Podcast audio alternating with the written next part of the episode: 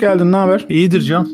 Sen nasılsın? İyidir abi. Sonunda ikinci kaydımızı da yapmaya başlıyor muyuz? Evet evet başlıyoruz. Artık hani daha fazla erteleyemeyeceğimiz günlük hayatımızı etkileyen bir konu var hatta. Bilgi. Evet bilgi, veri, hikmet artık hani ne diyorsan ismine günümüzde eskiye göre çok daha kolay erişilebilir, çok daha fazla olan ama artık şikayet etmeye başladığımız şeyler bunlar. Bilgi, veri ve hikmet. Ama aslında biz bugün sadece bilgi nedir, veri nedir, hikmet nedir değil. Bunların çokluğu ve bu çoklu karşısında bizim ne yapacağımızı, nasıl baş edeceğimizi konuşmak istiyoruz. Evet, evet. Artık erteleyemeyiz dediğim şey biraz bu. Çok fazla miktarda etrafımızda bunların etkisi var. Günlük hayatımızı artık ciddi şekilde yönlendirmeye başladılar. Bir bıkkınlık halinde, bir baş edememenin sıkıntısıyla tarihte ilk defa çok fazla bilgi sahibi olmaktan muzdaripiz. Çok fazla veri var etrafta ve o verilerden bir bilgi edinme ve bilgiye ulaşma yani o bilgi haline çevirme kısmını biraz insanlar bireysel olarak yapmıyorlar çok fazla. Daha çok direkt bilgiyi almak istiyorlar. Hani kendileri bir analitik yaklaşımla üzerine düşünüp bir sonuca varmaktansa direkt armut piş ağzıma düş beklentisi de var gibi geliyor. Ne dersin? Var. Bunu destekleyen oluşumlar da var. Bunu köstekleyen ve bundan kendilerine fayda çıkartan oluşumlar da var. Bir şekilde daha rafine bir bilgiyi, veriyi değil de rafine bilgiyi verip ya siz uğraşmayın biz sizin yerinize uğraştık diyen oluşumlar var. Bunlar eğitim kurumları olabiliyor. işte yeri geldiğinde basın olabiliyor e, ya da sosyal medyadaki başka kaynaklar da olabiliyor. Veya podcastler bile oluyor. Podcastler de aynen çok güzel oluyor. Bunu kendi çıkarları doğrultusunda bak gördün mü yine bu oldu, şu oldu vesaire gibi insanlara iteleyen genellikle politik ağırlıklı organizasyonlar ya da e, oluşumlar var. Bunlar da diğeri nasıl ezber bozuyorsa bu da ezber oluşturmaya çalışıyor. İnsanoğlu da günlük hayatta o koşuşturmacanın içinde birinden birine doğru savrula savrula duruyor. İkisinden de dayak yiyor. Birinden ya ben ne kadar cahilmişim hiçbir şey de bilmiyormuşum bak adamlar neler neler biliyor diye dayak yiyor. Öbürüne gidiyor öbüründen de gaza geliyor gaza geliyor bak böyle böyle şeyler oluyor hiç kimse hiçbir şey yapmıyor Allah kahretsin bu dünya ne kadar kötü bir yer diye gaza geliyor. Böyle seke seke kafasını duvarlara vura vura ilerliyor insanoğlu ve benim çevremde gördüğüm bir sürü kişi bundan son derece muzdarip. Bir de bilgi kirliliği de oluyor diye düşünüyorum ama o da başka bir boyut herhalde. Mesela bu en son dönemdeki WhatsApp'ın sözleşmesinin değişmesinden dolayı gündemde akan veri diyemeyeceğim, bilgi diyeceğim. O bilgiler her biri birbirinden farklı. Her biri birbirine çarpışıyor. Okuduğun zaman ben hakikaten ha bir de şu yapılmıyor abi bak. Bu WhatsApp konusundan çıkınca aynı şeye geliyor. Kimse oturup dönüp bilginin ilgili olduğu konunun kaynağını okumuyor. Oraya da gidip bakmıyor ya da dinlemiyor. Neyse fark etmez. Nasıl nasıl edindiğinin önemi yok. Ee, insanlar o bilgiyi özellikle gaza geldikleri bilgiyi aldıktan sonra üstüne yanlış başka bilgilerle inşaya devam ediyor. Sonunun çok büyük bir e, katastrof olduğunu düşünüyorum ben. Doğru. Burada iki kelime çok önemli. Biri işte o senin de e, demin bahsettiğin gibi ilgili kısmı. Yani bir filtreden geçirip bu bilgi benle ilgilidir ya da bu veri bu bilgiyle ilgilidir kısmı artık çok ayırdına varabildiğimiz bir şey değil kolay kolay varabildiğimiz bir şey değil. İkinci bir kavram devreye giriyor. Müdahil olmanın masrafı, cost of involvement diye Hı-hı. geçiyor. Dunbar sayısı diye bir sayı var ya meşhur işte bir insanın 150 tane arkadaşı olabilir. 150 kişiden daha fazlasıyla bir arkadaş diye tanımlayabileceğin bir ilişkiye, derinliğe giremezsin. Öbür taraf sığlaşır. Çünkü bilişsel olarak beyin bu kadar şeyle uğraşamıyor. Bir de zaman sınırı var. Zaman sınırı var. E, yapılması gereken başka işler var. Kendi kendine bize ilgili olmamıza zorlayan konular, gündemlerimiz var. İlgiyi ne kadar alana dağıtırsan o kadar sığlaşıyor konusu ilginç bir noktaya getiriyor. Alvin Toffler'ın meşhur Future Shock kitabında bahseder. Cost of Involvement'tan şehirlere taşınmamızla birlikte bizim ilişkilerimiz yüzeyselleşmeye başladı. Çünkü normalde bir kasabada işte bütün hayatı boyunca 500 kişi ya görüp ya görmeyen ve belli bir zaman içinde 30-40 tanesiyle ilişkiye giren insan herhangi bir gün içinde 60-70 kişiyle bir hafta içinde bine yakın insanla ilişkiye giriyor. Bazı ilişkileri sığ tutmak zorunda ki diğer ilişkilere bant genişliği ayırabilsin. Ya da derinliği artsın. E, ayakkabı satın aldığınız adamla ayakkabı almak dışındaki konularda konuşmaya başladığında bu sefer bant genişliğinden yemeye başlıyorsun. Çünkü kafanda bir miktar yer tutuyor. Çok derdi tasası olan bir arkadaşınla, yakın bir arkadaşınla dertleşirken ki bant genişliğinden alıp o adama veriyorsun ve bu miktar ziyan etmek gibi oluyor. Günümüzün temel problemi şu. Artık eskiden normalde fiziksel varoluşumuzla ya da işte radyoyla daha sonra bir miktar televizyonla bu ilişkiler e, artarken bilgi kaynakları aslında demek istiyorsun değil mi? Kana, kanalları evet. e, bu bu kanallar yani bilgi ve iletişim kanalları böyleyken şimdi internet ve internetin getirdiği envai çeşit kanalla artmış vaziyette. Eksponansiyel olarak artmış vaziyette çünkü e, atıyorum eskiden bir tane cihazdan tek bir kanal yaratırken şu anda internet üzerinden atıyorum bir cep telefonu veya herhangi bir mobil bir cihaz veya bilgisayarında sen milyonlarca kanallar yaratabiliyorsun. Tabii. Hatta şöyle eskiden bir tane cihazdan atıyorum 10 tane kanal yaratabilirken yani televizyon en civcivli zamanda 10 kanal izliyordu ortalama bir kişi ya da radyo Evet yani ya da radyoda böyle bir şey olurken şimdi internet üstünden envai çeşit platformdan takip et ettiğimiz her bir kişi bir kanal olarak düşündüğümüzde ve bir de üstüne bütün bu hani e, ölçeksel farkın yanına bu ilişkinin en az iki yönlü ilişki olduğunu hani o diyaloğa bir üçüncü kişinin katılmadığını da varsayarsak bu sefer çok başka bir şey oluyor. Aslında en çarpı en oluyor. O yüzden ister istemez eksponansiyel hale geliyor. Oransal olarak çok büyük bir oran. Onu bir kenara koy bir directional. Ha, sonsuzluk çarpı iki desen onun gibi işte yani hani Doğru. zaten sonsuza gidiyor bir de iki ile çarpılıyor. Çünkü o bir directional olması, iki yönlü olması bu sefer artık televizyonla, radyoyla kurmadığımız bir diyaloğu oluşturuyor ve diyalog insanda çok daha derin etkiler uyandırıyor. Çok daha fazla yer tutuyor. Bir tane gerçek bir örnek üzerinden gidelim mi? Ne dersin? Bana çok çarpıcı gelen örneklerden bir tanesi e, Notre Dame Kilisesi'nin yanmasıydı. Hı hı. Notre Dame Kilisesi işte yanlış hatırlamıyorsam 2019 yılı içinde yaz aylarında bir restorasyon çalışması sırasında çatısı alev aldı ve yandı. Ve bu bütün dünyadan naklen izlendi. E, bunu izlerken hüngür hüngür ağlayan mimar arkadaşım vardı benim.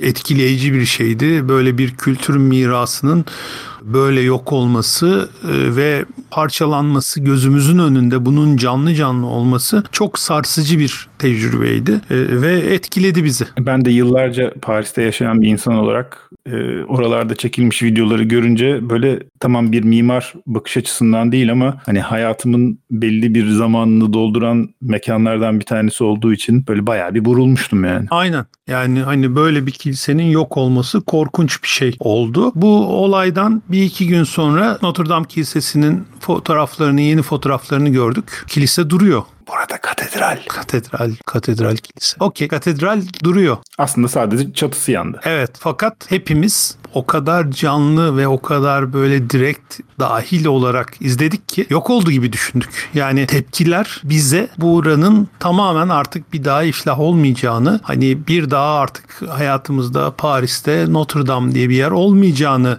düşündürttü. O yüzden gözyaşları döküldü. O yüzden insanlar bu kadar sarsıldı. Bir de şu da gözden kaçtığını hatırlıyorum yanlış hatırlamıyorsam. Geçtiğimiz yüzyıllarda bundan çok daha kötü kazaların yaşandığı bir katedral diyebiliyorum. Yedi kere yanmış. Değil mi? Değil mi? 7 kere yanmış ve bu sefer içindeki birçok değerli heykel, relik katedralin içinde değilmiş. Yani onlar restorasyon için kaldırıldıkları için hiç zarar görmemiş. İşte burada şu kısım çok çarpıcı senin başta söylediğin ilgili, alakalı işte relevant hı hı. olma durumu. O yedi yanmanın birçoğu değil dünyada duyulması Orleans'ta filan bir ay sonra duyulmuş. Doğal olarak çünkü öyle bir kanal yok. Yani bilginin akabili hızlı bir şekilde akacağı kanal yok. Aslında bak hız da ayrı bir konu burada. Hani hem çok kanallılık, yani çok fazla bilgi, aynı bilgiye çok farklı yerlerden duymak hem de hızlı bir şekilde duyuyoruz artık eskisine nazaran. Çok daha hızlı hem de. Hızlı duymuyoruz, anlık duyuyoruz. Hızlı yine neyse anlaşılabilir bir şey. Anlık duyuyoruz, ışık hızında duyuyoruz. Çünkü bu daha farklı yapıyor. Yani e, hızlı duymak yine biraz daha kabul edilebilir bir şey. Bu dünyanın her yerinde gözün var, kulağın var. Dünyanın her yerinde yeteri kadar etkileyici, akılda kalıcı her şeye anında şahit olabiliyorsun demek. Evet. İnsan aklının baş edebileceği bir şey değil mevcut şartlarda mevcut araçlarımızla, bilişsel araçlarımızla, insanoğlunun beyninin sahip olduğu araçlarla baş edebileceği bir şey değil böylesi. Ki zaten Sorun, bugünkü konumuz bu. Evet sorun da buradan kaynaklı. Aslında o zaman bilginin çokluğundan ziyade hem bilginin neredeyse sonsuza varır şekilde çoğalması ve çok fazla kanalın olması ve bunların da bize anlık ulaşması. Hem internetin hem medya teknolojilerinin gelişmesi sayesinde artık e, herkes muhabir, artık herkes gazeteci, artık herkes fotoğrafçı. Acayip şeyler e, bir şekilde suyun yüzüne çıkıyor. Enteresan, çarpıcı. Eskiden bir insanın köpeği ısırması haber olurken şimdi köpeği ısıran insan çok da büyük bir haber olmaz muhtemelen. Yani daha acayip bir şeyler bekliyor. Çünkü artık oradaki algımız, oradaki iştahımız genişlemiş vaziyette. İnsanları nasıl etkiliyor sence bu? Zehirliyor. Değil mi? Aslında az evvel söylediğimiz gaza gelmenin bir başka söyleyiş şekli. O gaza gelmek de zehir çünkü aslında. E, gaza gelmek bir miktar böyle işte e, doping almak gibi filan da olabilir ama bu ciddi ciddi hiç hesapta olmadığı haliyle düşünülmemiş bir şekilde zehirliyor ve öldürüyor da. İnsanlar gittikçe bu kadar çok şeyle başa çıktığında, bu kadar çok şeyle karşı karşıya kaldığında e, akıllarını bir miktar kaybediyorlar. Bence korona bunun için en basit e, örneklerden bir tanesi olabilir. Geçtiğimiz sene bu korona konusu Çin dışındaki ülkelerde mevzu bahis olmaya başladığı zaman Avrupa'da ve diğer işte ülkelerde de herkes deliler gibi normalde hiçbir istatistik rakamları incelemezken bir anda herkes kendini eksponansiyel bir eğri üstünde bulmaya başladı. Mühendis olsun ya da matematik bir e, hani ilgisi matematikle ilgisi olan olsun olmasın herkes bir anda her gün sayıları konuşmaya başladı. Ondan sonra yok böyle oldu, şöyle oldu falan filan ve ben mesela kendi adıma bunu çok net söyleyebilirim. Kendimi çok kötü hissettim ilk dönemlerde ve sonra dedim ki bu can bu rakamlardan uzaklaşman lazım. Çünkü bu rakamlar ve bu sürekli bir veri hatta oradakiler bilgi de değildi. Verileri oturup kendim yorumlayamaz hale geldim ve etrafta da bu verilerin az evvel söylediğin gibi bilgi farklı bilgi kaynaklarından farklı yorumlarını duyarken bir anda moral olarak ne kadar çöktüğümü ve panik anını bile hissettiğim anlar oldu. E, ve belli bir zaman sonra da bakmamaya karar verdim. Çünkü bir e, durum zaten hani vahim onu biliyoruz. E, dikkat etmemiz gerektiğimizi biliyoruz. E, çok sınırlı bilgiyi, bilgiye kapıları açar oldum kendi adıma ve filtreledim yapacak bir şey yok ve rakamlardan da uzak durdum açıkçası. Bence çok doğru bir yaklaşım. Bu rakamlar çok e, ciddi şekilde yani koronanın rakamları uzmanlık alanı. Bu verilerin bilgiye dönüştürülmesi konusunda hala sıkıntılar var. Evet. Toplam rakamımı verelim, işte 1 milyon kişi başına düşen rakamımı verelim, son 15 gündeki farkımı verelim, neyi bir sürü şey tartışılıyor acayip yerlere gidiyor. Hani üstünde konunun uzmanları ki genellikle hani belli bir karmaşıklık üstündeki konuları teslim ettiğimiz kişiler de uzmanlar bir kenara çekildiğimiz kişiler bu konuda hemfikir olamıyorlar. Yani herkes bir rakam takip ediyor ve o rakam üzerinden işte aradaki farklarla anlamaya çalışıyor. İnsanoğlu özellikle en iyi şekilde öyle anlar. Öte yandan rakamların ne kadar gerçeği yansıttığı, ne kadar doğru olduğu hani kötü niyetle bile olmadan ne kadar doğru olduğu çok tartışılır. Hı hı. Gerçekten bütün şeffaflığı ile iyi niyetiyle e, hiç baştan beri saklamadan konuyu ve hani bu konuyla ilgili de bir şey yapmayacağını sürü bağışıklığına inandığını söyleyen ülkelerde bile normal sürecin dışında ölümler gerçekleşiyor. Biz diyoruz ki ya işte şöyle rakamlar açıklanıyor ama bakınca işte şeylere işte mezarlıklar müdürlüğü rakamlarına göre geçen seneye göre şu kadar bir fark var arada. Demek ki bu saklanıyor filan gibi şeyler söylüyor.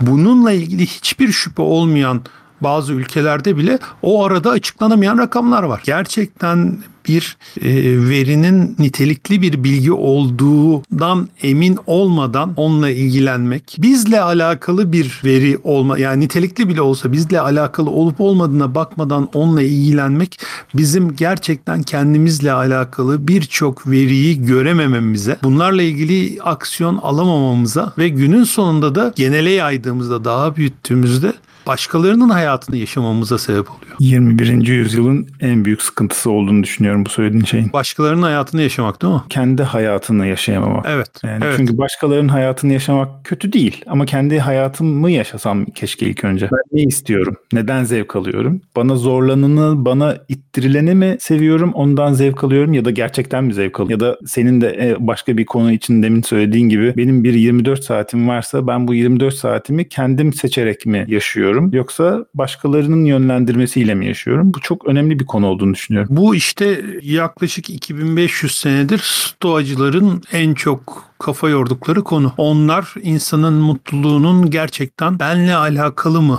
Ben bu konu üstünde bir etkiye sahip miyim? Bunu değiştirebilir miyim? Değiştirmeli miyim? Bunun için çaba göstermeli miyim? Böyle bir kudretim var mı? Sorularına cevap vererek mutluluğu aramışlar. E, bugün ise biz e, bu noktadan oldukça uzağız. Yeteri kadar çarpıcı mı? Yeteri kadar çok kaynaktan bize projekte edilmiş mi? Yansıtılmış mı? Buna bakıyoruz. Geri kalanı çok da hani umursayamıyoruz bile. Çünkü genelde böyle bir ortamda bizim önümüzde bizle alakalı bizim hayatımızı etkileyeceğini düşündüğümüz şeyler parıltılı, acayip, sarsıcı, viral şeylere göre çok daha sönük, sıkıcı, ilgi çekmeyici şeyler. Dolayısıyla onları bir kenara bırakıyoruz biz böyle e, güzel bir mercimek yemeği, e, bir işte küçük çorba vesaire filan önüne konulmuş. Ondan sonra ya bunları mı yiyeceğiz yine deyip abur cubura dayanan çocuklar gibiyiz. Bence bunun farkında da değiliz ya çoğunlukla. E, de, değiliz, değiliz. Yani bunun şöyle farkına varıyoruz. Yorgunluğuyla farkına varıyoruz. Devamlı bir eksiklik hissiyle, devamlı bir tatminsizlik hissiyle sanki Instagram'da başkalarını seyrediyormuşuz. Dönüp kendi hayatımıza baktığımızda ee bende böyle renkli şeyler yok. Ben böyle acayip yerlere gidip acayip şeyler yemiyorum. E, acayip acayip arkadaşlarım yok. acayip acayip. Ben... Acayip acayip yani çünkü hakikaten vay anasını ya millet ne hayatlar yaşıyor ne bu ne kafalar filan gibi şeyler görüyoruz. Biz mesela bu e, ailecek senin bu bahsettiğin konuyu geçtiğimiz yaz yaşadık. O da şöyle işte bu koronadan dolayı işte olabildiğince sınırlı seyahat etmek adına İstanbul'a gelemedik. Yani gelmeme kararı aldık daha doğrusu. Evet. İstanbul'a gelmeme kararı aldık ama e, dediğin gibi Instagram'a veya diğer sosyal medya özellikle fotoğraf yani görsel sosyal medyaya baktığın zaman ya biz bir tek bizmişiz bu kararı alan. Yani herkes gayet güzel işte eşini, dostunu, ailesini görmeye İstanbul'a gelmiş, tatilini yapıyor yapıyor Bodrum'unda orada burada gibi görüyorsun ama Ondan sonra insanlarla konuştuğun zaman bu, bu bilgi konuştuğun zaman gelmiyor sözel tarafta ama sosyal medyaya baktığın zaman orada bir coşkular var durumu oluyor. Tereddüt ediyor insan halinden. Bir dediğin gibi bence bu farkındalık bir yorgunluk anlarında ortaya çıkıyor ki e, bu çok zirve yaptığı zaman yeter artık örnek veriyorum söyleyeceğim şey yeter artık Instagram'da kapatacağım tepkilerini ben duyuyorum sağda solda. Kendi adıma söyleyeyim sadece bir yorgunluk değil bunun dışında ek olarak da bazen çarpıcı anlarda da insan farkına varıyor galiba bir akıntının içinde olduğunu. Ne demek istiyorum? Senle çok farklı zamanlarda farklı ortamlarda konuştuğumuz bir şey aslında bu. Sen hiç e, kış sporu yapmamıştın yanlış hatırlamıyorsam ama mesela kayıyorsan insan genelde kayarken düştüğü an çok yorulduğu an oluyor. Çünkü yorulduğun zaman reflekslerin zayıflıyor veya işte reflekslerin zayıfladığı için karın e, şekline, pistin şekline adapte olamamaya veya etrafını rahat algılayamamaya başlıyorsun ve bir yerden sonra çok yıllardır kayıyor da olsan düşüveriyorsun. Bir böyle anlar oluyor. Tokat gibi çarpan konular oluyor. Atıyorum çok sevdiğin birisini kaybediyorsun. Çok sevdiğin birisini kaybettiğin zaman zamanın anlamını daha da farklı sorgulamaya başlıyorsun. Sonra bunu sorgulamaya başladığın zaman e, hayatta harcadığın, zamanı harcadığın konulara ve o konuların gerçekten senin için ne kadar değerli olup olmadığına hatta değerin ne demek olduğunu sorgulamaya başlıyorsun. Ve bu olduğu zaman da farkındalık bence böyle dediğim gibi tekrar söyleyeceğim ama tokat gibi insanın suratına çarpıyor diye düşünüyorum ben. Doğru doğru. Yani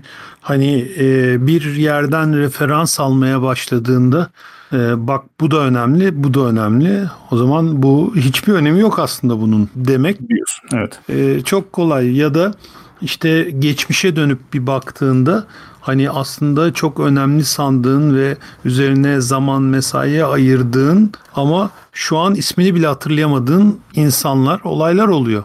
Ve hani bunlar o zaman niye böyle ben bu kadar zaman buna takılmışım? Çünkü ilgi çekiciydiler. Çünkü e, hızlı tüketmeye yöneliktiler. Sosyal medyadan ya da işte başka kanallardan önüne düşmüşlerdi. Onların cazibesine kapılmamak mümkün değildi. Bir başka kritik böyle işte farkındalık anı da ben bundan çok etkileniyorum. Çok sık da başıma geliyor. Aa bu konu böyle hiç değilmiş ya durumları. Bir örnek versen verebileceğin aklına gelen bir şey var. Bundan iki ay kadar önce bir adamın teki galiba hasta filan haldeyken köpeğiyle bir işte fotoğrafı var böyle işte işte ben süper köpeğimle çok güzel aşk dolu dakikalar yaşıyorum bilmem ne falan diye. Bir anda yani insanlar o kadar izleyici modunda olmaya, bir şeylere etki edememeye, her şeyden haberdar olup hiçbir şeye etki edememeye o kadar takılmış, o kadar bundan muzdarip vaziyetteler ki bir anda bir tane sivri zekalının teki çıktı dedi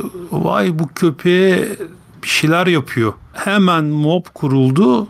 Vay efendim köpeğe işte eziyet ediyor, köpeği istismar ediyor bu adam. İşte köpekle aşk yaşamak ne demek bilmem ne da da da filan köpeği aldılar bu ailenin elinden, karı kocanın elinden. Kaç yıllıkta köpekleri birileri belediye, bir, bir hayvan koruma birileri aldılar e, ve barınağa kapattılar. Bu işi yapan arkadaşlar da işte bu sefer başardık bir köpeği bir zalimin elinden kurtardık bilmem ne filan diye dolandılar ortalıkta bir ya da iki gün. Sonra bir hafif hafif bir ses duyulmaya başlandı. Özellikle Twitter'da, sosyal medyada. Aileyi tanıyan kişiler böyle bir durum yok. Bu köpeği hani canlarından çok seviyor seviyor bu insanlar. Siz ne yapıyorsunuz filan dediler. Sonra köpeğin barınakta ağlarken resimleri, videoları çıktı. Ondan sonra işte böyle bir şekilde suistimal vesaire gibi kuşkularla e, aileden alınan köpek tekrar o aileye iade edilmiyormuş. O yüzden ya burada bir yanlış anlaşılma var. Böyle bir anda linç ettiniz bizi ama böyle bir şey yoktu filan diye aile bunu ortaya koydu ama köpeği ver veremediler. Hani şeyden usulden dolayı bir şekilde halloldu ve köpekle kavuştular. Köpekle ailenin kavuşması acayip bir sahne yani. Herkes üngür üngür ağlar böyle. Millet e abi siz ne yaptınız bir anda bunları böyle bu köpeği bu adamın karısı sinir krizleri geçirdi. Yani köpeği elinden alındığı için filan böyle bütün darmadağın iki haftalık filan bir süre içinde bir ailenin ve işte ailenin fertlerinin köpek de dahil olmak üzere hayatı allak bullak oldu. Dönüp bakınca aslında ne oldu? Hiçbir şey bilmiyoruz. O zaman da bilmiyorduk. Şimdi de bilmiyoruz. En sonda olanlardan ve artık itiraz eden kimse olmamasından vesaireden dolayı gerçekten bir yanlış anlama olmuş deyip üstünü kapatıyoruz hani okey bu böyleymiş ve, ve haksız yere birileri linç edilmiş. Hoş bu linç yapanlar siz de olsanız linç ederdiniz filan gibi açıklamalar yaptılar. Çok korkunç. Ben anladım ki burada gördüğümüz neredeyse hiçbir şey en azından o gördüğümüz açıdan sadece değil, iki boyutlu değil, direkt değil. Bunun başka boyutları da var. Benzer bir olay şöyle yaşanmıştı işte bir çift e, galiba sevgililer parkta yürürken kavga ediyorlar, bağırışıyorlar. Bağırışma, çağrışma var. Bir tane genç bir eleman müdahale ediyor. Bunun üzerine adam işte ona saldırıyor. İşte bunun üzerine işte adamın elinden bıçağı alıp Çocuk bıçağı saplıyor. İşte o çiftten adam bıçaklandığı için ölüyor. Çocuğu da hapse atıyorlar. Bu olay bir çıktı ortaya. Ya bu nasıl iş? Eziyet gören, zarar gören bir kadına müdahale eden birisi hiç mi hafifletici unsur olmayacak? Yani hani bir de nefsi müdafaa sırasında oluyor falan filan böyle bir sürü fikir yürüttük onda. Sonra kadın dedi ki bizim basit bir tartışmaydı. Müdahale etmesine gerek yoktu. O zaman dedik ki ya işte bak celladına aşık olan kadın bilmem ne. Vay anasını şey yapamıyor bile. Hani ne, neyden kurtulduğunun farkında değil filan bile. Ne oluyoruz? Memleket ne hale geldi? Zaten bunu demeye de çok eğilimliyiz. Sonra ortaya çıktı ki o bıçak o çocuğun bıçağıymış. Yani müdahale eden çocuğun yanında bıçak varmış. Kadınla adam tartışırken ne yapıyorsun birader bilmem ne diye müdahale ediyor. Orada itiş kakış sırasında bıçak çekiliyor. Adam ölüyor. Çekilen bıçak çocuğun bıçağı. E, adamın elinden bıçak alma diye bir durum yok. E şimdi ne anlayacağız buna? Ve bu mevzu tabii ki hatırlanmadı. Devamında hala adam öldüren sokakta elini kolunu do- sallayarak dolaşıyor. Bir kadının öldürülmesine işte engel olan çocuk şimdi işte bilmem kaç yıl ceza yatıyor. Aslında buradan şeye gelmek lazım gibi geliyor bana. Hani sen de demin laf arasında söyledin ya aynı şey. Ee, herkes bir anda e, gazeteci oldu. Fakat gazeteciliğin hani temel kurallarından bir tanesi bilginin kaynağının bulunması, bilginin farklı kaynaklardan doğrulanması gibi bir sürü ben de gazeteci olmadığım için bütün bu temel kuralları bilmiyorum ama en azından yüzeysel olarak bildiğim bir şey bu. E, herkes gazeteci oldu ama hiç kimse bu gazeteciliğin temel kurallarını bilmiyor. Bilmeden de tırnak içinde gazetecilik yap, yapar hale geldi sosyal medya veya farklı kanallar üzerinde. Birincisi bu. İkincisi senin anlattığın iki örnekte de hem gazeteciler hem de bunun sonucunda da bir de yargılar hale geldik. Sonuçta Evet. yani sınırlı bilgi veya yanlış bilgi ile hem e, gazetecilik yapmaya çalışıyoruz doğrulamadan hem de bir yer, diğer yandan da sanki bir hukukçuymuş hatta böyle hani sadece basit bir hukukçuymuş gibi değil de yargıçmışçasına bu durumu yargılar hale geldik. E sonuçta bir de anlattığın ve benim de en başta söylediğim gibi bir katastrof haline geliyor. Tabii işte söz konusu gazetecilik kurallarına mutlaka yanlışım vardır ama Türkiye'de çok az gazetecinin uyduğuna da ben eminim. Yani ben o gazetecilik kurallarını çok net bir şekilde televizyondan öğrendim. Newsroom diye bir dizi vardı. Bu dizi çok başarılı, çok böyle iyi araştırılmış, çok iyi yazılmış bir diziydi. O dizinin en az 10 bölümünde ikinci bağımsız bir kaynaktan kontrol ettin mi diye soruyorlar ısrarla. O ikinci kontrol gelmeden hiçbir şeyi haber niteliğine büründürmüyorlar.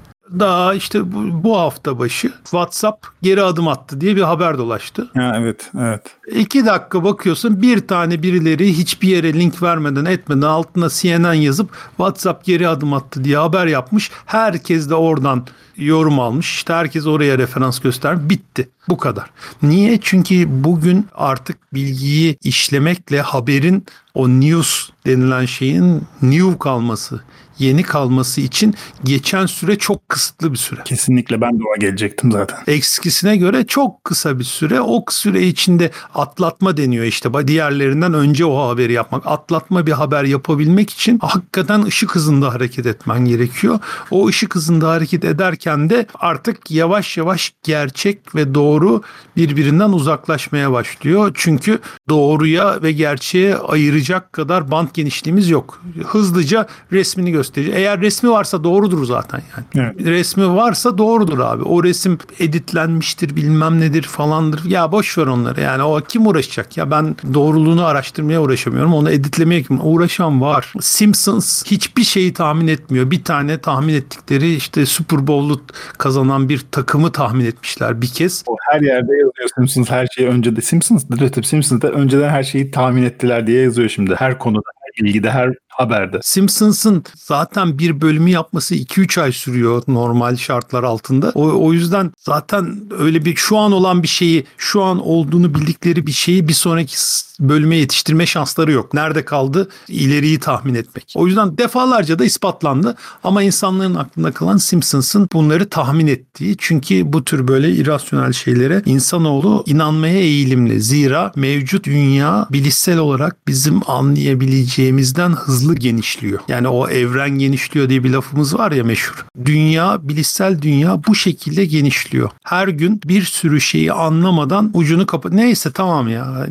Yani anla- eyvallah diyoruz. Anladık say- sayıyoruz. Çünkü anlamaya ha- harcayacak zamanımız da mecalimiz de yok. Ama anlamamız gerekir mi diye de çok düşünmüyoruz. Günün sonunda böyle koskocaman bir anlamadıklarımız yumağı içinde zaten bunlar da anlaşılmaz ya da bunları zaten hiç kimse anlamıyor. Ya herkes bahsediyor ama anlamıyor. Ya da daha da korkuncu büyük oyun. Dünyayı bilmem neler yönetiyor. Dünyada şöyle bir şey var aslında biliniyor ama saklanıyor falan gibi şeyler söz konusu. Peki bir şey soracağım sana. Buradan hani şu ana kadar konuştuklarımızda ne var? Bilginin kaynağı bir konu. E, bilginin doğruluğu veya işte hani farklı kaynaklardan doğrulanması veya işte temelinin kontrol edilmesi bir konu. Çok fazla çok fazla kanalın olması başka bir konu. Bir de hız ben hani hız dedim ama anlık diyerek hani onu biraz daha uç e, duruma çekelim. Anlık olması başka bir konu. Bir de şöyle bir şey yok mu? Bu da aslında bu, şu ana kadar saydığım maddelerle etkileniyor diye düşünüyorum. Geçerliliği çok kısa öm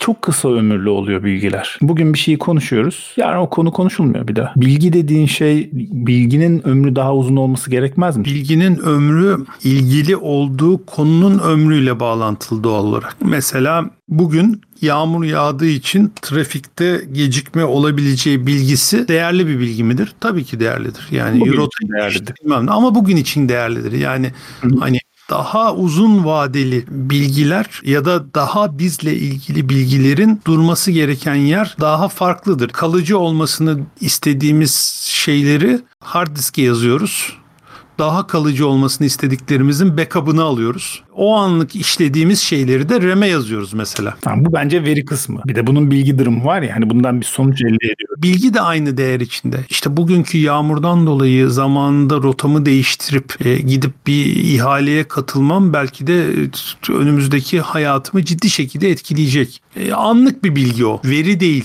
bilgi aslında. Çünkü bir so- sebep sonuç ilişkisiyle. Şu şey de devreye giriyor. Şu konu da devreye giriyor giriyor. İngilizce'de çok e, ön planda olan datum, data, hı hı. tekil, çoğul, knowledge, wisdom böyle hani bu bu şekilde gidiyor. Wisdom'ın tam Türkçesi erdem değil mi? Erdem hikmet yani erdemden daha çok hikmet aslında. Erdem virtue Knowledge'in Türkçesi de tam belli değil. Yani knowledge bilgi değil. Bilgiden daha bir boyutu var. Onun. Bunların hangisinin hangi aşamada çıktığı, e, ne kadar saf olduğu çok tartışmaya açık. Şimdi bu saf olduğu kısmı çok kritik bir nokta. Yani saflık derecesi çok kritik bir nokta. Saf olması ne demek? Yani içindeki etkin maddenin hacme oranı işte. Yani işte vodka, tekila hani bunların saflık dereceleri farklı ve e, etil alkolün de farklı, saflık derecesi farklı. E, şuraya gelmek istiyorum. E, bu böyle zaman zaman e, arkadaş sohbetlerinde çok dile getirdiğim bir küçük e, kendi çapımda bir teorim var bu konuyla ilgili bir benzetmem var. İnsanoğlu hayatı boyunca özellikle işte ilk çağlardan itibaren güçsüzlüğünü gidermenin yollarını aramış. Pençeleri olmadığı için bıçak geliştirmiş, balta geliştirmiş, mızrak geliştirmiş. Bunlarla vahşi hayvanlar bunlar pen, pençeleriyle avlanırken insanoğlu bu tür aletlerle avlanmış. Çiğ eti yemek için yeteri kadar güçlü ve sivri dişleri olmadığı için pişirme diye bir yöntem geliştirmiş ve bu sayede eti yenilebilir hale gelmiş. Bu şekilde devam etmiş. Ve e, yeteri kadar hızlı koşamadığı için işte koşmadan avlanabileceği yapılar kurmuş. Ya da işte barınaklar yapmış. Hayvanların e, hayvan yetiştirip hani avlamadan hayvan yetiştirerek e, o hayvanlardan faydalanmanın yollarını bulmuş. Benzer şekilde teknolojik gelişimleri yani insanoğlunun eksiklikleri tamamlana tamamlana ilerlenmiş. Bu eksikliklerden en baş edemediği, en böyle zayıf kaldığı kısmı endüstri devrimi sırasında giderilmiş. Endüstri devrimi sırasında ne olmuş? İşte daha önce çok basit makinalarla, e, doğal güçlerle e, çözülen insanın kuvvet problemi e, bu sefer buhar gücüyle çözülmeye başlamış. Makinalar oluşmaya başlamış. Yani insanın ya da hayvanın gücünden güç almayan belli bir yöntemle, belli bir süreçle güç elde eden ve bu şekilde normalde insanın gücünün yetmeyeceği işleri yapan makineler ortaya çıkmaya başlamış. Sonra bunlar fabrikalara ve araçlara dönmüş zaman içinde. Ve bu sayede işte dev presler olmaya başlamış. İşte metale çok hızlı şekil verebilmeye başlamışız. İşte e, çok hızlı insan gözünün zor görebildiği hızlarda ve e, çok daha hatasız üretimler gerçekleştirmeye başlamışız ve daha sonra da bunun türevleri çıkmış işte elektrik, e, nükleer enerji vesaire ama insanoğlu orada bir tanrısallaşmaya başlamış. Yani artık normal bir insanın kol gücüyle bütün kaslarını dayadığında yapabileceği gücün binlerce, on binlerce katı buhar motoru daha sonra işte e, petrol motoru ve elektrik motoruyla gerçekleşmeye başlamış ve insanoğlu daha önce beceremediği işleri becermeye başlamış. Bu o kadar mucizevi ve çarpıcı bir şey ki e, bunun şehvetine kapılmışız. Mucize gerçekleşiyor. Gerçekten inanılmaz bir şey oluyor. Bunu da maksimum suistimal edelim, maksimum istismar edelim, kullanalım diye yaklaşılmış. Devamlı üretim, devamlı gelişme, devamlı daha etkin makineler, daha güçlü makineler. İşte 100 insanın yerine geçen makine yerine 1000 insanın yerine geçen makine, daha büyük pres vesaire. Bu olurken iki ilginç değişiklik, daha yan etki ortaya çıkmış. Bir, bu buhar gücünün oluşması için korkunç bir miktarda kömür yakılması gerekiyor. Ve kömür yakıldığında ortaya ısı dolayısıyla bu ısının ısıtılmasıyla buhar ve buhar gücü çıkarken bir taraftan da karbon monoksit çıkıyor. Ve hiç kimse karbon monoksitin önemi olduğunu düşünmemiş. Herkes demiş ki mucize gerçekleşiyor burada. İşte bu siyah dumanlarda çok da dert değil. Biraz kötü kokuyor ama idare eder. Sonra işte ilk olarak Londra'da toplu ölümler oluyor. İşte smog denen işte şehrin üstüne çöken e, hava kirliliği bulutları yüzünden toplu ölümler oluyor. E, karbon monoksit zehirlenmeleri oluyor ve insanlar diyor ki bir dakika ne oluyor? E, bu tabii hemen olmuyor. Böyle bir 50-60 yıllık bir süre içinde artık o süreci değiştirmeye başlıyorlar. İşte karbon monoksit buharını dumanını filtrelemeye başlıyorlar. İşte bacalara filtre takılmaya başlanıyor. Daha az çıkacak, daha az atık çıkacak e, süreçler geliştiriliyor, ilerliyor. Başka bir şeyin daha farkına varıyorlar. Bu insandan çok çok daha güçlü, devler kadar güçlü mekanizmalar insanlarla birlikte çalışıyor. Fabrikada insanlar çalışıyor. Makineye bir şeyleri insanların sokması, oradan alıp başka yere insanın taşıması gerekiyor. Ve bu sürede sırada insanlar kolunu bacağını kaptırıyor bu makinalara ve sakatlanıyorlar. E şimdi buna ne yapmak lazım? İşte işçi sağlığı söz konusu olmalı. İşte insanlar bu, bu normal hayatını kazanmaya çalışırken kolunu bacağını kaybetme riskine dahil olmamalı. Böyle bir şey kabul edilebilir değil. O yüzden daha çok daha ileride hani filtrelerden bilmem nereden sonra işçiler için belli bir sürenin üstünde çalışmama, çalışırken bazı koruyucu önlemler işveren tarafından alınması falan gibi şeyler oluyor. Çok da uzatmayacağım. Geldiğim nokta şu. İnsanoğlu tanrılaşmaya çalışırken bunun yan etkilerini çok sonra fark ediyor hayati etkilerini bunları bir şekilde düzene sokuyor. Baş edilebilir hale geliyor, filtreliyor. Şu şu gün hala fabrika atıkları yüzünden ya da endüstriyel üretimin zararları yüzünden zarar gören insanlar var. Ama bunların en azından farkındayız. Bazılarını görmezden geliyoruz. Ucuz olarak çözülebilecekleri çözüyoruz. Bu sayede de bundan 200 yıl önceki insanların hiç yapamadığı şeyleri yapıyoruz. Çok daha güçlü hareket edebiliyoruz. Griderlerle bir şeyleri yerinden oynatabiliyoruz. Uçaklarla çok hızlı uçabiliyoruz vesaire vesaire. 1960'larda benzer bir ikinci devrimde bilişsel olarak olmaya başlıyor. Belki hani resmi tarih olarak daha erken bile geçer. Daha önce fiziksel gücü yeterli olmayan insan şimdi zihin gücünden tatmin olmuyor bu zihin gücü yetmiyor. Daha fazla hesaplaması gerekiyor. Daha fazla ileriyi öngörmeye çalışıyor. Daha akıllı hale gelmek istiyor. Bunun için de bilgisayarları icat ediyor. Bilgisayarlar önce compute ediyorlar hesap tutuyorlar, hesaplıyorlar. Daha sonra daha akıllı şeyler yapmaya başlıyorlar. Bilgisayarların icadından ve nispeten yaygınlaşmasından çok sonra da aslında bunların yetkinliği, hesapsal gücü kadar önemli bir başka şeyin farkına varıyor insanoğlu. O da ağ, network. En büyük ağ olan internet ortaya çıkıyor. İnternetten sonra sanayi devrimindeki gibi sarhoşlukla bu mucizenin etkisiyle bu sefer sosyal ağlar Normalde ikisi iki ayrı evde oturan insan arasında telefon açtığında olabilecek bir bağlantı bu sefer sosyal ağlar üzerinden olmaya başlıyor. Ve bütün bunlar aynı endüstri devrimi sırasında olduğu gibi bunun sonuçları ne olur? Bunun acaba nasıl yan etkileri vardır? Biz acaba bu süre içinde gerçekten faydalı şeyler mi sadece bünyemize alıyoruz yoksa bir taraftan aynen o zamanki karbon monoksit gibi kokusuz, renksiz filan bir gazla zehirleniyoruz da farkında değil miyiz demeye başlıyoruz. Bu yüzden düz dünyacılar çıkıyor Bu yüzden aşı karşıtları çıkıyor, kümeleniyorlar, gelişiyorlar ve ilerliyorlar. Şu anda yaşadığımız her türlü yorgunluk, tatminsizlik, belirsizlik, kafa karışıklığı sanki dünyanın üstümüze üstümüze geliyor olmasının kökeninde e, hala endüstri devrimi sırasında ya ben de kendimi çok yorgun hissediyorum. Ben bir nefes alamıyorum. Bir nefes darlığı var. Ciğerlerim iyi değil son zamanlarda filan dediği adamla aynı psikoloji içinde aynı durum içindeyiz. Sadece artık vücudumuzdan çok zihnimiz, bilişsel varlığımız tehlikede en çok o etkileniyor. Çok uzun anlattım kusura bakma ama hani e, buraya bir referans vermemiz gerekiyordu. Ben de buradan güzel bir şey bağlamak istiyorum. O zaman mesela bu WhatsApp konusunda belki hatta bizim bu yaptığımız sohbet bile aynen senin bahsettiğin o işte İngiltere'deki karbon monoksit e, dumanları ya da işte havadaki kirlenmenin farkına varılması durumuna benzer bir şekilde insanlarda bir çeşit tetikleme yarattığını düşünüyorum bu e, WhatsApp konusunun.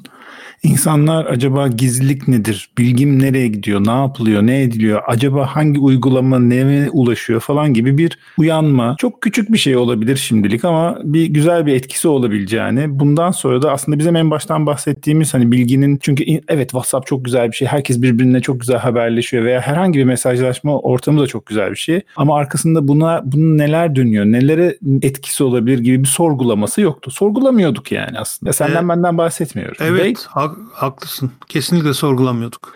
Ee, ve belki bunun sayesinde insanlar artık bir uygulamayı kurmadan evvel veya bir bilgiyi genelleştireceğim buradan. Bir bilgiyi okumadan evvel ya da okuduktan sonra da tabii ki o konu nedir? Bunun bununla ilgili daha evvel e, neler konuşulmuş? Nasıl bir bilgiler var? Nasıl etkileri olmuş? Nasıl sen e, burada çok uzattığını düşünerek söylemiyorum şu an söyleyeceğim. Nasıl toz ve gaz bulutundan başlayarak konuyu şu anki bilgi çağına getirdiysen o kadar geçmişe gitmese de belki bunun geçmişini hani okuduğu veya edindiği bilginin geçmişini ve bunun nereden geldiğini bakmak ister diye ümit ediyorum açıkçası. Kişisel tecrübesi doğrultusunda evet yani hani o demin anlattığım iki tane vaka gibi kritik şeyler yaşadıysa, şahit olduysa bunlara ve bunların kendisini etkilemesine izin verdiyse bir dahaki sefer ya bir dakika ya ben buna bir tepki vermeden gerçekten durayım der.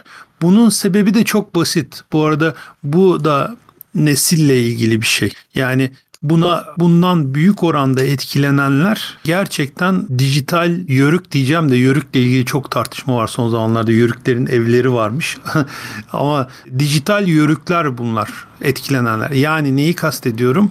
Dijital nomads diye geçen bu teknolojiye doğmamış hayatlarının belli seviyesinde işte 15-18 yaşından sonra interneti görmüş ve internete adapte olmuş insanlar sen ee, ve ben. Bizler mesela ki bizler hani göbeğindeyiz. 92 diye şey yaparsak bakarsak ticari internetin başladığı zaman diye geçen 92'de 19 yaşındaydım. Hiç fena değil ama buna doğmadım tabii ki. Ve bu yüzden de devamlı uyum sağlayarak işte en son teknolojileri kullanarak işte şey yaparak bu arada bu teknolojilerin birçoğunu direkt biz kullandık. Bizden önce kullanan da yoktu. Tabii. Tabii. E, ama bizde e, digital nomad, digital immigrant diye geçiyor işte. Böyleyiz. Fakat digital native'ler var. Yeni doğanlar. Yani yeni derken son 10 senede doğanlar değil mi? Evet. Aslında son 20 senede daha çok. Evet. Yani 2000'den e, bu yana doğanlar bunlar dijital native'ler. Bizim kadar kolay kanmıyorlar. Yani çünkü bizim bu hani e, bunun geçmişinde de alışkanlıklar olduğunu düşünüyorum. Benim dedem e, ajans dinlerdi. Hı hı, benim, benimkiler de öyle. Tabii yani o zamanlar Rize'nin köyünde dış dünya ile olan en büyük iletişim kaynağı o ajanstı ve o ajans devlet tekelinde olan belli ilkelerle hani belli şeylerle ilkesiz kesinlikle değil ama eninde sonunda bir şekilde devlet eliyle devlet yanlısı ve tek sesli bir ajanstı. Bazı standartları vardı ve yüksek standartlardaydı ama bazı filtreleri de vardı ama olsun yine de dünyadan bizleri haberdar eden tek kaynaktı. Dolayısıyla eğer bir şey ajansta yayınlandıysa büyük ihtimalle doğrudur. Hı hı. Hatta doğrudur. İhtimali bile düşünmüyorlardı büyük ihtimalle. Evet, evet. Yani do- doğrudur. Oy verdiğim parti başta değilse o zaman biraz küçük şüpheler oluşabiliyor. Bir başka kritik noktada nispeten bugüne göre çok daha gruplar altında toplanmamış, bağımsız kalan gazetelerdi. Ve e, gazeteler, bir gazete, kitap bunlar böyle çok kolay üretilen şeyler değillerdi. Bu yüzden de bir şey eğer ajansa çıktıysa bir şey hakkında gazetede yazı yazıldıysa, yazıya döküldüyse bir şey o doğrudur. Tabii. Yani hani daha geçmişe gidersen hani kitabı var mıya kadar filan da gidiyor konu. Ama zaten işte bu demin az evvel konuştuğumuz temel gazetecilik ve temel temel basın kurallarının da o zamanlar daha işlediğini olduğunu düşünüyoruz. Aynen. O yüzden e, yazılı olan bir şey sesli olarak olan bir şey. Bunlar geldiyse yeteri kadar kanıttır. Bunlar bize gelmeden önce filtrelenmiştir belli bir seviyede doğruluğu kontrol edilmiştir. Zaten hani günde 5 saat televizyon var o 5 saati de böyle harcamazlar ya da gazete kağıdı kıymetli boşu boşuna yalan haber yazmazlar filan gibi e, bunlar sabitleniyordu ve biz hala o alışkanlıklara bir miktar sahibiz. Yani bir şeyi bir yerde yazılı gördüğümüzde ya adam oturmuş araştırmış yazmış arkadaş bilmem ne. Bu çocuklar böyle değil. Ben sana peki bunun bir de başka günümüze yansıması olduğunu da düşünüyorum. Bunu da seninle paylaşayım. Bizim annelerimiz babalarımızın jenerasyonu. Ee, evet. Ee, şu anda onların adın var mı bilmiyorum. Mesela hani bizim işte o internetle 18 yaşında tanışanlar bir de internetle 50 yaşında tanışanlar var. Yanlış hatırlamıyorsam onlar imigrant diye geçenler onlar. Yani biz şeyiz zaten yoldaydık. Hani yoldan geldik. Onlar bayağı göç etmek zorunda kalıyorlar. Onlar da mesela ben onlar da bu bugün konuştuğumuz en başından beri konuştuğumuz konuda en çok etkilenenlerin onlar olduğunu düşünüyorum. En azından kişisel gözlemim o. Çünkü yazan herhangi bir şeyi doğru kabul ediyorlar. Aynı senin işte dedenin zamanındaki ajansı dinledikleri gibi dinlediği zamandaki etkilenmesi gibi atıyorum herhangi bir sosyal medyada, herhangi bir web sitesinde herhangi bir yerden gelen bir mesajda, bir forward edilen bir mesajda ne yazıyorsa %99 bunun gerçek olduğunu ve doğru olduğunu kabul ediyorlar. Tabii tabii. Benim de ilk sorum şey oluyor. Mesela kendi annemle çok yaşadığım bir şey bu. Dönüp anneme ilk söylediğim şey anne bu bilginin kaynağı ne? Kim söylemiş? Nereden öğrenmiş? İşte hani Cem Yılmaz'ın da hep böyle bir çeşit bir çeşit T'yi aldığı vardır ya işte bilmem ne bilmem neye çok iyi geliyormuş. Bu mesela neye göre, kime göre, kim demiş, ne, ne kadar test edilmiş, ne kadarı doğru hiç belli değil yani. Ama bilmem ne bilmem neye çok iyi geliyor. Mesela benim annem veya onun jenerasyonu şu anda böyle işte e, sos, demin de dediğim gibi sosyal medyada ya da herhangi bir mesajlaşma platformunda böyle bir şey aldığı zaman anında aa can bak bilmem ne bilmem neye çok iyi geliyormuş diye çıkıverebiliyor. Doğru. Doğru. Ki sonu, sonucunun da gene en baştaki konuya bağlayacak olursak hani gaza gelme, kötü etkilenme, insanın psikolojisinin bozulması gibi insana etkilerini düşünecek olursak onlar bizden daha çok etkileniyorlar ister istemez. Çok çok etkileniyorlar yani hani ve çok evet. hem sayısal olarak daha çok etkileniyorlar hem de yıkıcı olarak daha çok etkileniyorlar. Evet. Magnitude'u da çok yüksek Tabii, oluyor. Yani hem frekans onlar. yüksek hem büyüklük yüksek. Biz mesela artık hani 2005'ten filan sonra bir şey geldiğinde linki var mı diye sormaya başladık. Evet doğru. Kaynağını öğrenmek istiyoruz evet, çünkü. kaynağını öğrenmek istiyoruz. Takip edilebilir bir uç istiyoruz. Onlar ise e, hani dediğim gibi ajansta yayınlandı mı gazeteye çıktı mı dan başladılar. Evet. Link bize yetmemeye başladı. Fotoğrafı var mı demeye başladık. Fotoğraf da çok manipüle edilebilir ve şey olduğundan dolayı videosu var mı? Videoya çekmişler mi demeye başladık. Şimdi deepfake sayesinde video da yetmemeye başladı. Şimdi ben farklı kaynakları sorgulamayı tercih ediyorum mesela şahsen. E, farklı kaynaklarla ilgili sıkıntı da şu.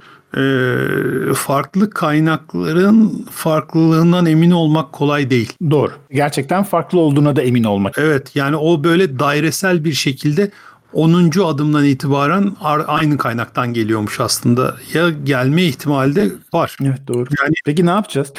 aklıma gelen çözüm biraz dinozorluk gibi e, görülebilir ama hani insanlık tarihinde her, her zaman böyle çözülmüş. Kaynak filtreler abi. Nasıl çok iyi high-end e, müzik sistemlerinin en acayip özellikleri çok iyi filtrelere sahip olması, sinyalle gürültüyü birbirinden ayırt edebiliyor olması ve bunların gerçekten saçma sapan paralara mal olması gibi e, sosyal medya ve bu dünyanın da filtrelenmeye ihtiyacı var.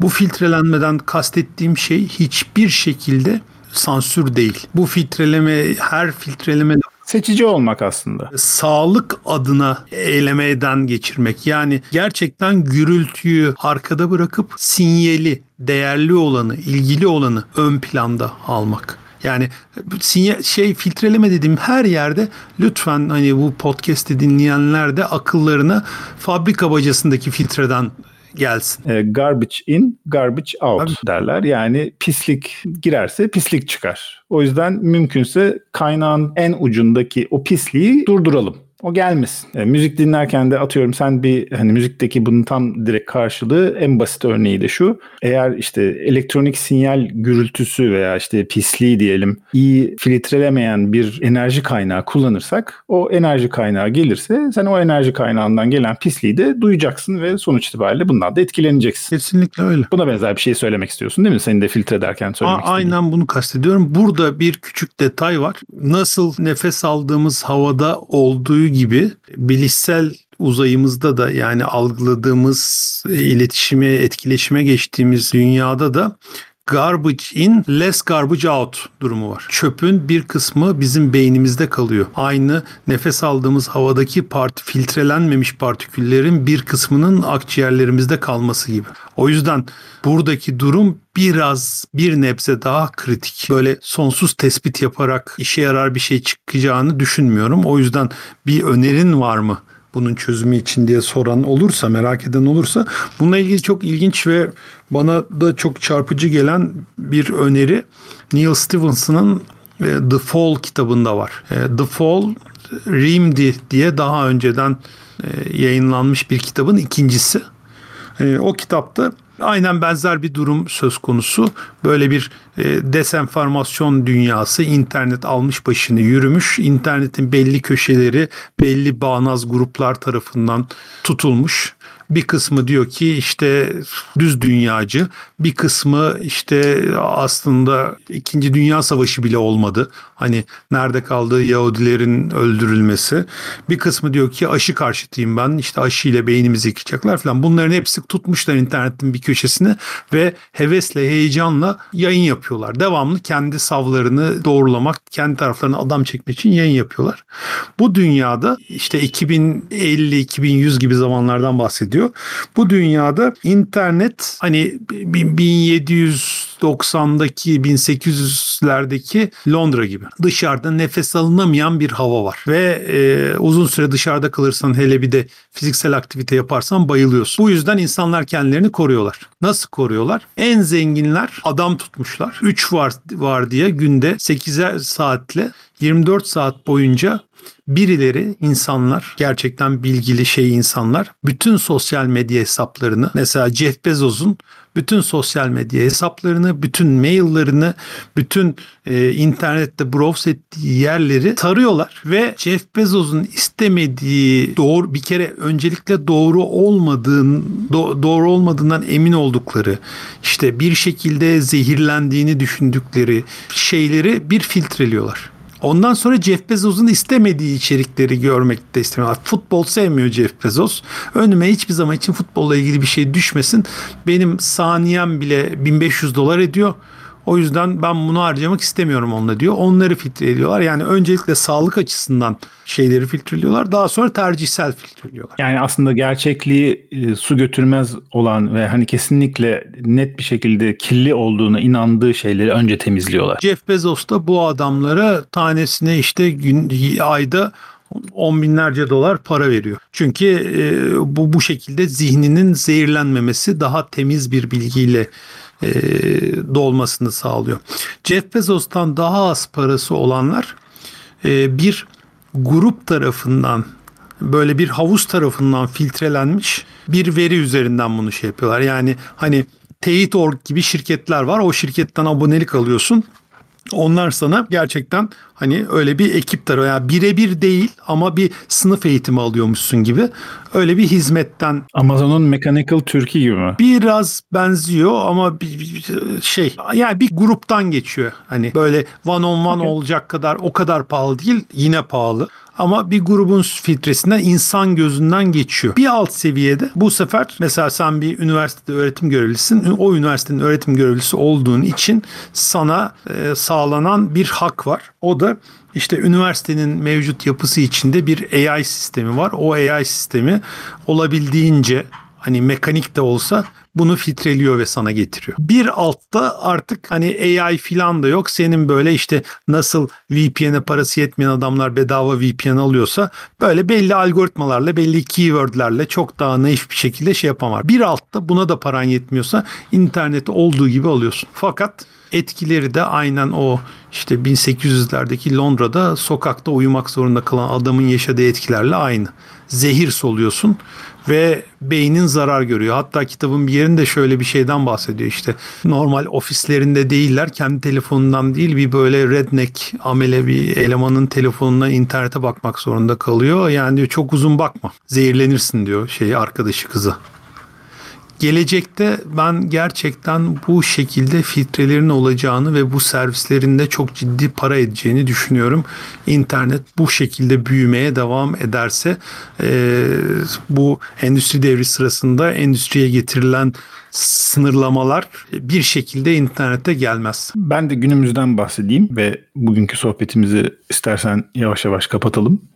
O da şöyle ki bence bugün dediğine katılıyorum bu arada gelecekle alakalı. Bugüne gelince de bence kaynakları olabildiğince bizi çeken çokluluktan biraz daha ufaltmak ve biraz daha kısıtlamak gerektiğini düşünüyorum. Çok fazla kaynak değil. Mesela ben kendi kendime şöyle bir şeye karar verdim. Bazı durumlar için geçerli bu. Atıyorum en fazla 3 tane olacak. Ha, bu 3 tanesi ömrüm boyunca 3 tane olmak zorunda değil. 3 tane yerden haber okuyorsam ve yenine bir tane dördüncü güzel bir kaynak daha bulduysam o zaman tartıp belli bir süre analiz ettikten sonra eski 3 taneden bir tanesini çıkartıp onun yerine yeni bir tane ekleyerek devam etmek. Bu da tabii böyle sürekli giden giden bir şey ve böylelikle aslında ister istemez ben de filtrelemiş hale geliyor.